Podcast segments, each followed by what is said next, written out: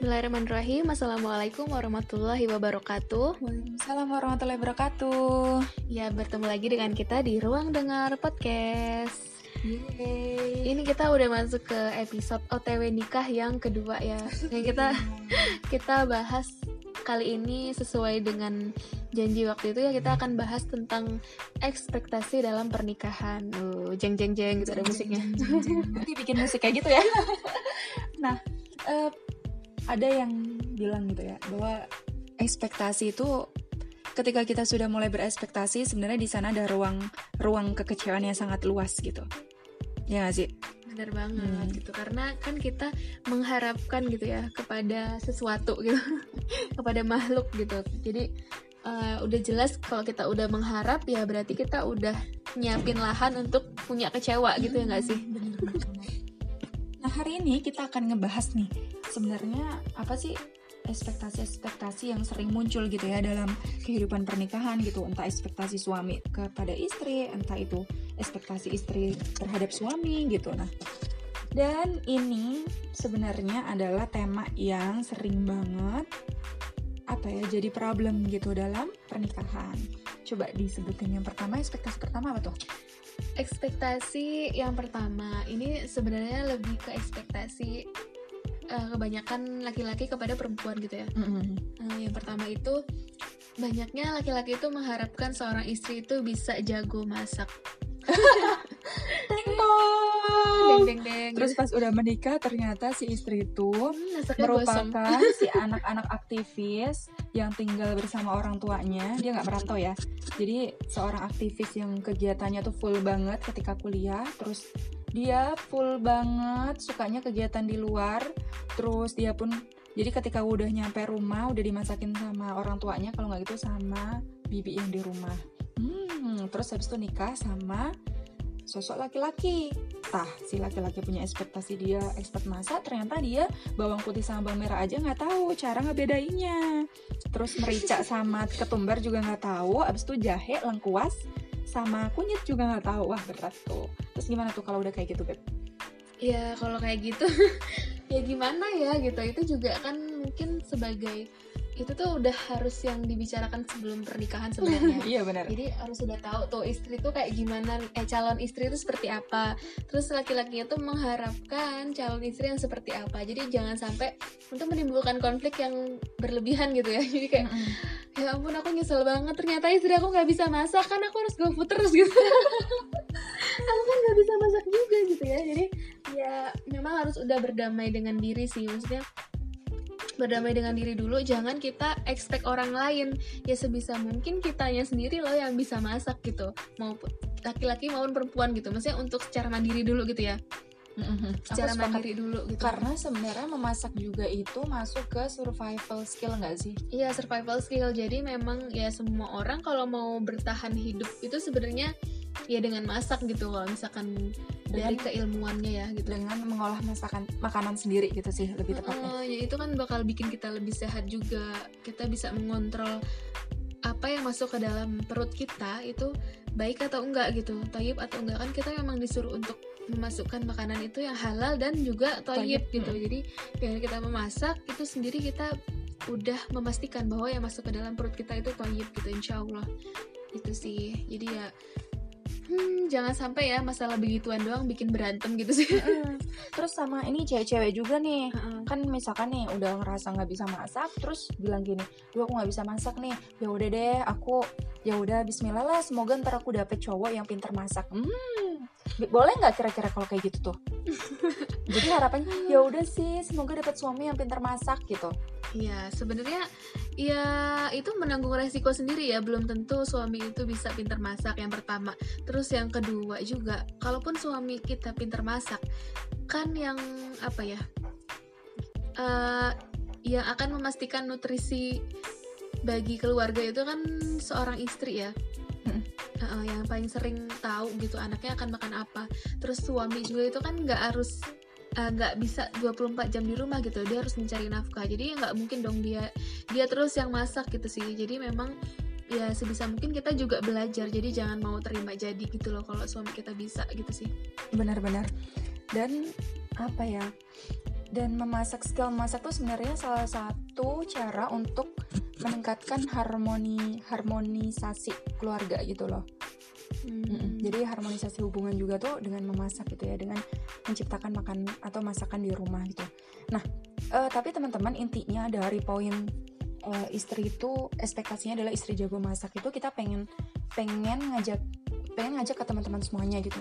Bahwa uh, skill apa pun yang dibutuhkan dalam apa namanya dalam pernikahan itu ya kita persiapkan di personal kita gitu.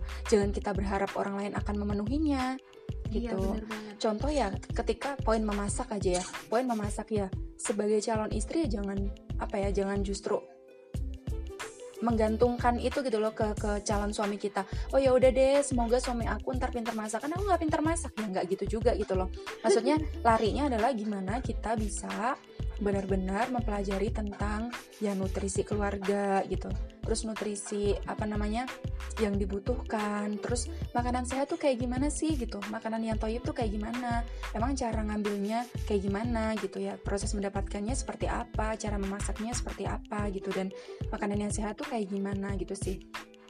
Sehingga larinya adalah ke proses mau belajar kita gitu ya? Maksudnya uh, itu mention yang materi sebelumnya ya hmm. gitu bahwa kita memang harus mau belajar gitu sih pun yeah. seorang suami gitu jangan maksudnya di sini ya jangan uh, terlalu menggantungkan juga oh ya udah deh aku apa namanya bener-bener yang nanti ya istri gue harus pinter masak nah, banget atau gitu. bermindset ya masak mah harus perempuan aja gitu maksudnya cowok tuh nggak masak sama sekali gitu loh jadi ya jangan gitu juga gitu kan karena mm -hmm. itu kan keterampilan untuk survival dan itu memang bukan bukan kewajiban istri gitu maksudnya memang Iya, kalau misalkan memenuhi kebutuhan itu kan memang kewajiban bersama gitu loh, bukan kewajiban istri aja gitu sih.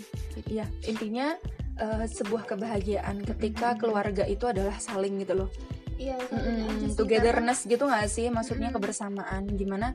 Ya, nggak apa-apa kok gitu. Misalkan pas kan kita nggak tahu ya maksudnya dalam perjalanannya itu bisa jadi nih gitu. Bisa jadi si istri harus misalkan kuliah lagi atau dapat amanah di luar kota terus si suami mau nggak mau nih gitu ya. Mau nggak mau nih harus handle si anak gitu. Kan terus menghandle dirinya sendiri bisa jadi gitu loh. Nah di sini kan diharapkannya ya uh, apa ya maksudnya skill survival itu bisa dimiliki dia gitu. Mm-hmm. ya sih. Iya benar banget. Karena kan uh, istri melayani suami itu adalah pahala bagi istri ya. Tapi kalau misalkan untuk memenuhi kewajiban itu sebenarnya bukan bukan kewajiban istri gitu. Bahkan dalam agama pun gitu ya. Untuk makan itu sebenarnya suami loh yang harus ngasih. Sebenarnya itu yang ngasih sampai jadi sampai ditelan sama istri sama anak tuh sebenarnya suami gitu. Cuman untuk karena apa ya kita tuh sebagai istri itu seharusnya uh, mencari lah pahala-pahala terbaik dalam rumah tangga seperti itu sih. Jadi memang uh, keduanya tuh saling sadar diri gitu sih. Harus memberikan yang terbaik bagi keluarga seperti itu dan itu merupakan wujud cinta sekali wujud lagi ya. karena ya cinta itu adalah verb kata kerja sehingga hmm. yang bisa kita kasih adalah giving giving giving giving giving terus sih. Termasuk ya, kita sebagai istri ya yuk kita belajar untuk kembali lagi ke dapur gitu. Iya. karena ketika istri sudah meninggalkan dapur bahasanya apa ya ketika ketika nih keluarga itu sudah meninggalkan dapur gitu dapur udah nggak ngebul ya jangan harap kualitas hidup itu bisa bagus gitu. Karena kan kita terlalu banyak makanan di luar dan kita nggak pernah tahu tuh kualitas makanan di luar tuh dimasak seperti apa didapatkan seperti apa terus dicampur bahan apa. Sementara yang yang kita apa ya yang kita angkat dari visi keluarga kita adalah keluarga yang tadi itu wah dakwah gimana kita mau dakwah keluar kalau kualitas apa yang kita masukkan ke perut aja juga kita nggak bisa untuk menjamin gitu loh bahasanya. Gitu sih. Iya karena ya itu bakal ngaruh banget sih apa yang masuk ke perut kita dengan uh, output kita. Apa yang kita kerjakan itu bakalan toyib atau enggak gitu. Uh, ya selanjutnya yang ekspektasi sering banget untuk di apa ya diharapkan itu apalagi kepada seorang perempuan ya yaitu rapih beberes gitu. Jadi bisa uh, apa ya selesai dengan urusan domestik lah gitu ibaratnya ya gitu jadi kalau kalau nyapu tuh ya nggak yang masih ngeres gitu kan. Siapa yang masih sering diomelin sama ibunya karena nyapunya nggak bersih ayo gitu. Udah ibu. Mah perfection banget. Iya karena kan seorang ibu tuh udah terlatih banget ya. Jadi mungkin banyak nih gitu para muslimah muslimah yang masih ya masih belajar gitu ya dalam beberes gitu. Cuman as long as kita punya kita mau belajar gitu ya. Jadi ya hal itu sih udah apa ya memang harus kita bisa gitu sebagai perempuan maupun laki-laki. Pun seorang laki-laki sebelum sebelum menikah juga masa sih dia nggak rapi? Masa sih dia mau jorok gitu ya? Kamarnya tuh nggak pernah disapu gitu kan? Ya itu juga hmm, ya gimana gitu? Masa sebagai diri sendiri aja nggak selesai gitu dengan dirinya? Gimana dia mau memimpin rumah tangganya gitu sih gitu selepas dari itu akan dikerjakan oleh yang laki-laki ataupun yang perempuan gitu. Oke, okay. sama aku mau nambahin soal beberes ya. Kan apalagi di masa-masa pandemi kayak gini ya. Jadi sebenarnya untuk para perempuan gitu yang calon istri gitu ya, pun yang suami calon suami gitu. Nantinya kan kita bakal, togetherness ya dalam hal ini gitu. Bakal kebersamaan gitu untuk gimana mewujudkan rumah tangga yang sakinah mawadah warahmah dan wadakwah. Nah, terus semoga apa ya di masa pandemi yang mungkin banyak peluangnya gitu ya udah kita kita belajar banyak kok sekarang di YouTube gitu yang apa KonMari ya KonMari ya nggak sih Beb? Iya, iya. cara cara bebersih dan cara menata barang-barang gitu loh jadi itu kan minimalism juga ya minimalism sama kerapian nggak sih iya mm -mm. jadi tentang uh, gimana kita bisa organizing barang-barang kita. Jadi nggak hmm. bikin riwah dengan diri kita sendiri sih karena itu ngaruh ke mood kita. Kalau misalkan ngelihat barang-barang tuh berantakan gitu ya. Ngerasain gak sih kalau sekitaran kita lagi rapi itu ya kita enak aja gitu. Pikiran tuh nggak semrawut nggak makin semrawut gitu sih. Jelas sih jelas. Hmm, jadi kita dari sekarang dari single itu sebisa mungkin Sudah bisa membiasakan. Mm, decluttering barang-barang kita. Jadi decluttering itu gimana ya kalau barang yang sekiranya kalau aturan minimalism tuh sebenarnya kalau dalam 40 hari itu nggak dipakai gitu ya. Nggak dipakai itu barang tuh dalam 40 hari. Sebisa mungkin ya udah berarti kita sumbangin ke orang lain gitu.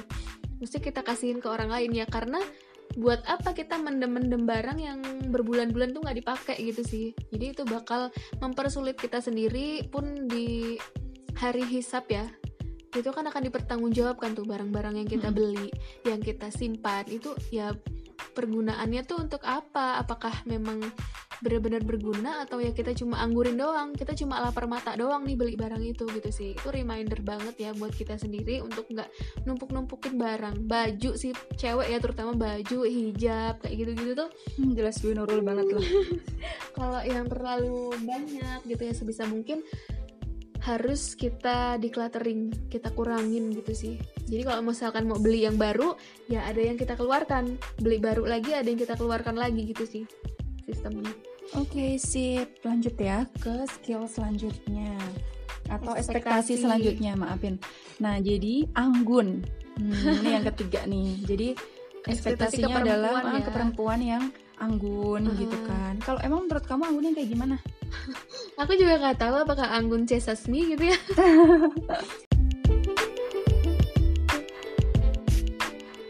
nah, yang selanjutnya itu apa ya? Ekspektasi seorang perempuan itu anggun gitu ya. Jadi gimana sih kalau laki-laki mungkin lebih karena dia itu hmm, terbiasa untuk dilatih maskulin ya gitu.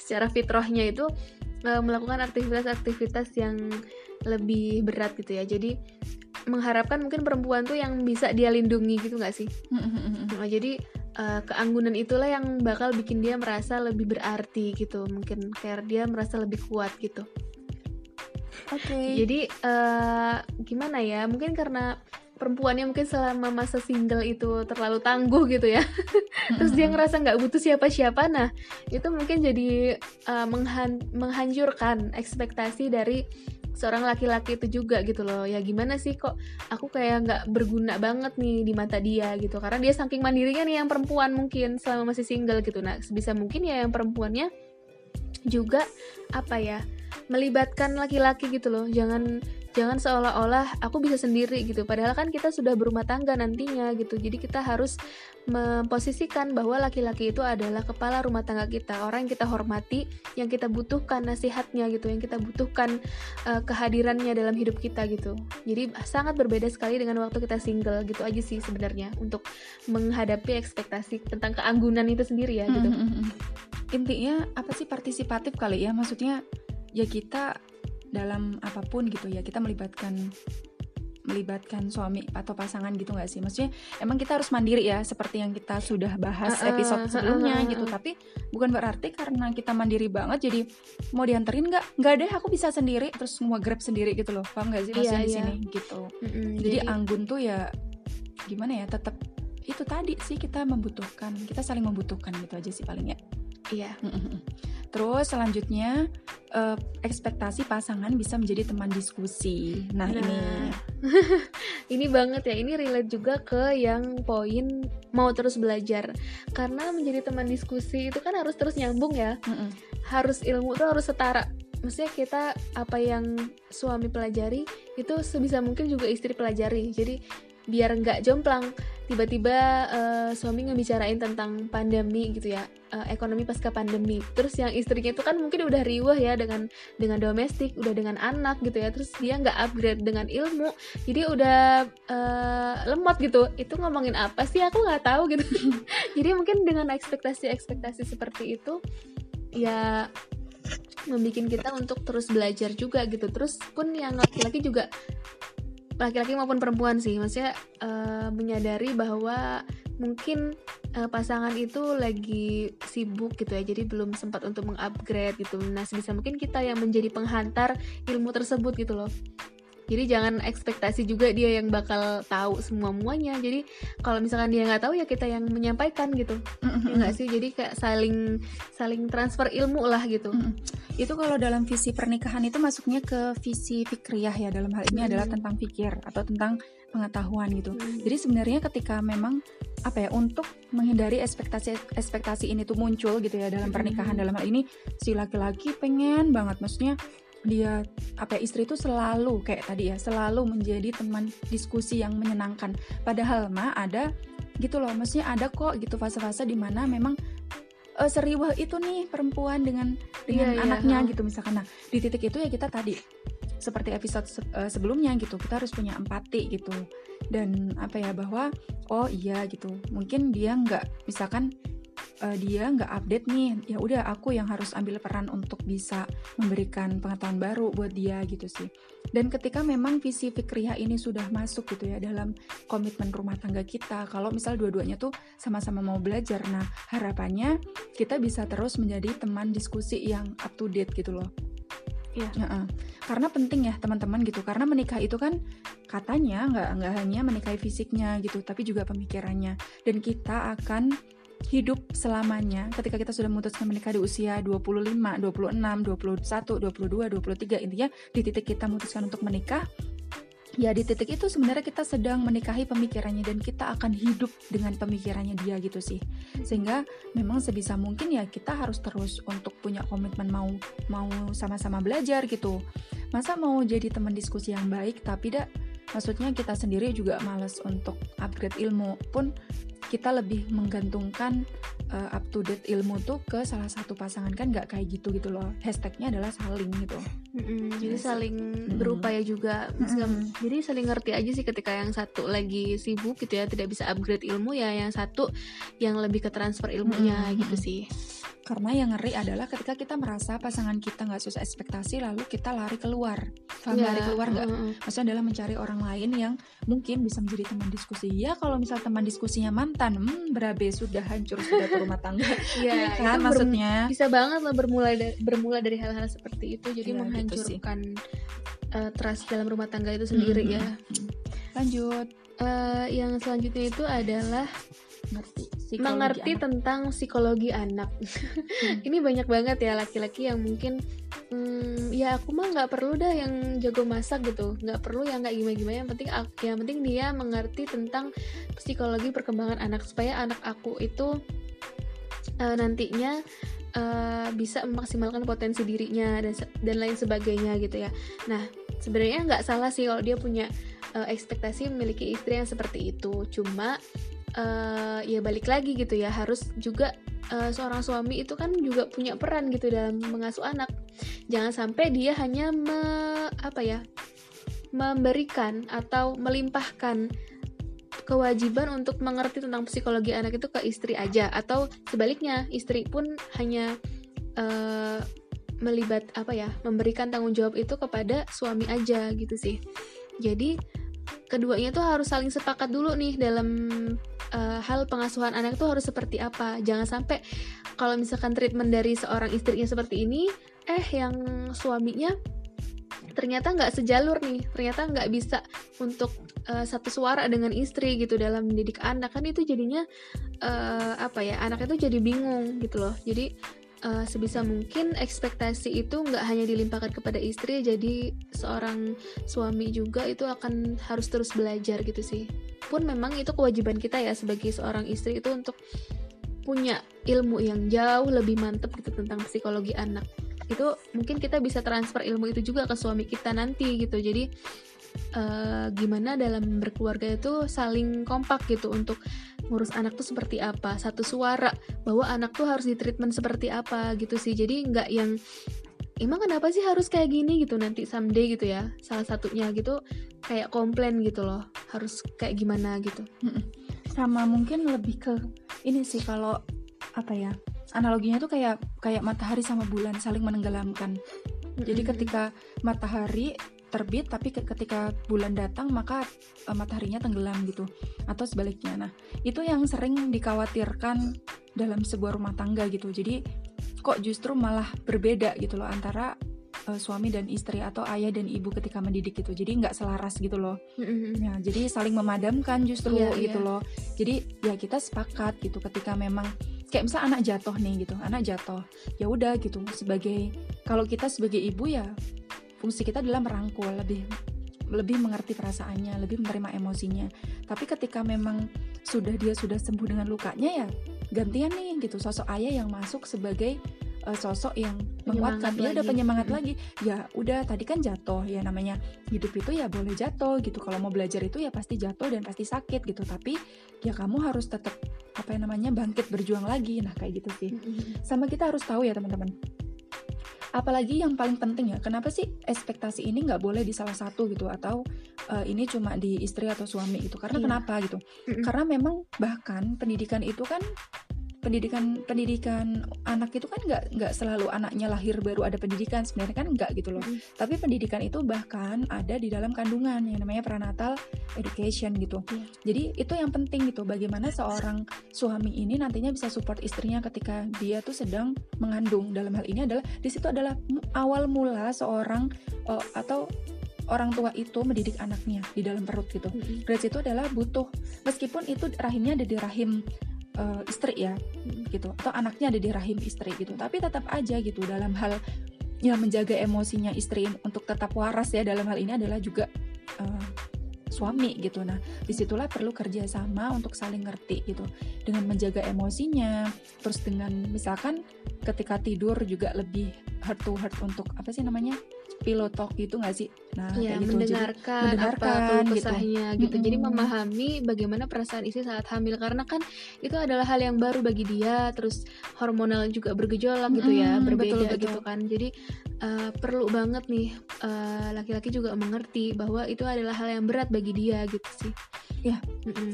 apalagi fase mendidik anak itu kan 0 sampai 6 tahun itu kan fase mengisi lumbung cinta ya. Dalam hal ini kan apa ya di situ peran ibu dan ayah tuh harus full of love gitu sih. Mm-hmm. jadi full ya di situ ayah dan ibu perannya sama. Nah bayangkan ketika memang ekspektasi kita adalah hanya di salah satu pasangan atau hanya di ibu gitu. Pada akhirnya ya gimana gitu kalau misalnya hanya seorang ibu gitu sementara ayahnya itu tidak mengerti bahwa ternyata pendidikan anak itu adalah kedua belah pihak gitu. Ya yeah. jangan jangan salahkan ketika mungkin uh, fitroh keayahannya nanti misalkan nih anak anak kita laki-laki ya. Terus uh, tapi kontribusi dari ayah untuk mendidik tuh sedikit ya jangan harap jangan harap fitrah apa ya fitrah kelaki-lakiannya tuh akan muncul gitu loh ketika dia sudah besar yeah. pun ketika anak kita perempuan ketika ketika anak kita perempuan lalu kontribusi seorang ayah itu atau peran ayah itu nggak ada dalam pendidikan uh, keluarga atau pendidikan anak yaitu jangan harap gitu fitrah keberaniannya dia tuh akan muncul gitu kan hmm. ada ya fitrah-fitrah yang memang itu yang ada yang memantik tuh ayahnya ada yang memantik ibunya. Nah di situlah perlu peran kolaborasi antar keduanya gitu sih. Ya, panjang sih kalau kita ngomongin ini mah. Nah, itu mungkin ya. akan dibahasnya di apa ya series pendidikan anak ya. Mm-mm, ini betul. juga sempat kita ungkit juga di Sebelumnya. ya. sebelumnya gitu bahwa ya mendidik anak itu nggak bisa sembarangan. Jadi jangan kita melimpahkan hanya pada salah satu aja gitu. Jadi keduanya itu punya peran dalam mendidik anak gitu sih. Terus next ya ke Hmm. ekspektasi yang terakhir tentang eh, ini sering ya ilmu alga ilmu agama yang sesuai dengan eh, cover gitu. Ini ini ini agak agak apa namanya sensitif sih sebenarnya. Iya, jadi teman-teman kan kita seringnya misalkan kayak apalagi kita deh misalkan cewek nih. Hmm. ekspektasi cewek dulu kali ya. Jadi cewek tuh oh yaudah deh gue pengen yang soleh gitu ya. Terus habis itu Yang bisa solehnya. membimbing banget. Mm-mm, yang dia membimbing udah banget, tahu banget nih gitu ilmu-ilmu kan. agamanya jadi aku mah enak aja tinggal ini. Mm-mm. tinggal ngikut weh gitu ya. Dan memang fitrah perempuan itu kan dipimpin ya sebenarnya. Benar. Ya memimpin dirinya iya. Tapi Mm-mm. ada tuh fitrah yang memang dia sukanya tuh emang dipimpin gitu loh. Kayak dilindungi dipimpin gitu sih. Mm-mm. Eh, yang sering muncul itu tapi tapi ini kan tadi ada ada yang di underline ya di sininya sesuai cover. Nah ini kalau misalkan nih si si calon suami teh kayak soleh banget gitu ya dari iya. dari penampilannya gitu. Lalu Mm-mm. kita ekspektasi udah gede banget. Ih ntar suami gue udah pasti expert deh. Kayaknya nanti bisa banget Mm-mm. bantu atau bimbing gue di tauhid gitu misalkan. Iya terus kayak sifat-sifatnya tuh yang udah perfect banget Hmm, gitu udah ya. perfect banget Mm, gitu yang dia pasti penyayang deh. Kalau kalau kalau Mm-mm. agamanya bagus nah pasti dia udah ini deh udah selesai banget nih. Maksudnya bisa banget untuk penyayang terus misalkan sabar dan lain-lain gitu. Padahal kan ya semua orang juga pasti punya titik kelemahannya Iya, gitu. Dan betul, betul. kita nggak pernah tahu apa itu gitu ya. Barangkali kita tidak tahu kelemahan itu sebelum menikah gitu. Lalu kita tahu apa ya keburukan itu setelah menikah gitu kan kita harus siap dengan hal itu juga gitu sih. Dan nggak ada sosok yang sempurna gitu ya. Pun ketika misalkan ini nih hal yang sering nempel di apalagi kalau kalau cowok soleh itu kan jarang ya misalkan cowok yang pakai koko mulu kan maksudnya. Sehingga itu membuat ekspektasi bahwa dia soleh gitu. Tapi kan hal yang ada yang lebih lebih sering gitu ya. Kalau misalkan ini ekspektasi ini tuh biasanya nempelnya di akhwat yang lebih banyak. Maksudnya lebih banyak ke perempuan. Misalkan oh jilbabnya udah udah panjang nih. Ah udah pasti dia paham banget tuh soal agama gitu. Jadi Iya. oh dia udah pakai rok terus misalkan. Atau Mm-mm. dia pakai gamis. Oh udah pasti Insya lah Allah salihah gitu ya Hmm. ibaratnya lah gitu. padahal kita pernah ngobrol ya sih waktu itu. Kalau sebenarnya ya kita tuh kita masih proses belajar banget. Bahkan kita kita berdua pribadi juga masih masih belajar banget gitu. Ya apa yang kita kenakan itu adalah hal yang kewajiban atau perintah Allah yang mungkin paling gampang kita lakukan adalah dengan menutup aurat dulu gitu dan menyempurnakan penutupan aurat itu gitu. Dan kita terus apa ya dalam dengan pertama kita menyempurnakan aurat gitu penutupan aurat selanjutnya adalah gimana kita bisa knowledge kita atau uh, bentuk pengetahuan kita terhadap mengenali agama Allah terus cara menuju Allah itu kita lengkapi terus gitu ya. Nah Iya. banyak kok orang yang kayak gitu gitu. Bahasanya orang-orang yang kayak kita pun gitu ya kalau dari cover tuh udah solihah pisan gitu. Padahal aslinya mah juga juga gimana ya? Ya belajar banget gitu nggak sih sis? Banyak banget hal yang bisa belum kita tahu gitu sih intinya. Jadi ekspektasi ini tuh sebisa mungkin apa ya jangan pernah kita Hmm, jangan taruh gitu ya. gitu. Jadi Mm. ya untuk covering itu kan memang udah kewajiban dan memang nggak semua yang udah covering dengan baik itu ya udah baik gitu dalamnya gitu ya. Jadi Hmm. jangan sampai ekspektasinya itu udah keseluruhannya baik sampai nggak ada celah gitu. Karena kan yang covering dengan baik itu juga belajar untuk bisa gimana ahlaknya, kepribadiannya dan apa ya? Semua aktivitasnya itu memang muslimah gitu seorang muslimah sejati gitu kan masih belajar banget gitu nggak semuanya itu bisa perfect gitu sih. Iya. Jadi ada juga Mm-mm. yang misalkan mualaf gitu ya tapi dia udah berani untuk apa berhijab dengan sempurna gitu. Mm-mm. padahal kan dah ngaji juga dia belum bisa gitu. Untuk ilmu-ilmu yang lain tuh mungkin dia masih baru belajar tauhid aja dia baru mengenal gitu kan ya. Tapi dia udah covering diri dia dengan baik karena dia tahu itu adalah kewajiban gitu. Jadi jangan sampai kita menggeneralisir bahwa orang yang eh, apa ya intinya udah perfect lah yang udah covering Mm-mm. gitu tuh. Jadi pasti punya dia kekurangan gitu sih. jangan sampai kita menitipkan ekspektasi tentang ilmu agama yang expert kepada orang-orang yang uh, ilmu mengcovering dirinya dengan Mm-mm. perintah Allah gitu. Misalkan Iya, ya tadi gitu ya menutup aurat gitu. Iya benar dan sebenarnya ujung dari apa ya pembicaraan ekspektasi ini tuh kita balik ke personal masing-masing gitu. Bahwa berapa ekspektasi sih tadi? Satu dua tiga empat 5, 6 ya. Bahwa enam ekspektasi yang sering muncul dalam kehidupan pernikahan itu ya sebisa mungkin itu kita persiapkan sebelum menikah. Mm-mm. Mm-mm, tentang masak terus tentang rapi beberes terus tentang uh, kita yang anggun gitu ya. Terus teman kita bisa jadi teman diskusi atau teman yang yang seru gitu untuk ngobrol hal-hal yang terkini terus visioner banget gitu. Terus ngerti psikologi anak terus tentang ilmu agama.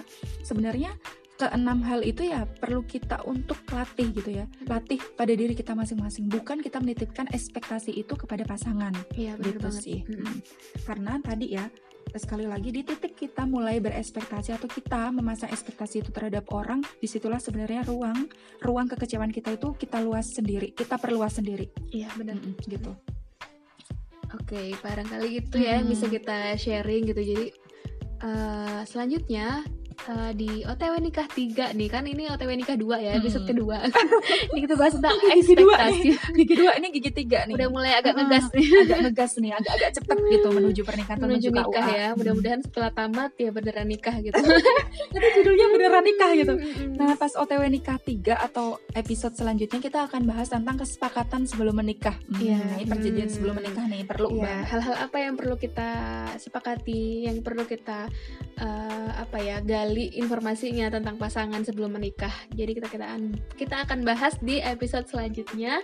See you in the next podcast. Wassalamualaikum warahmatullahi wabarakatuh. Waalaikumsalam warahmatullahi wabarakatuh.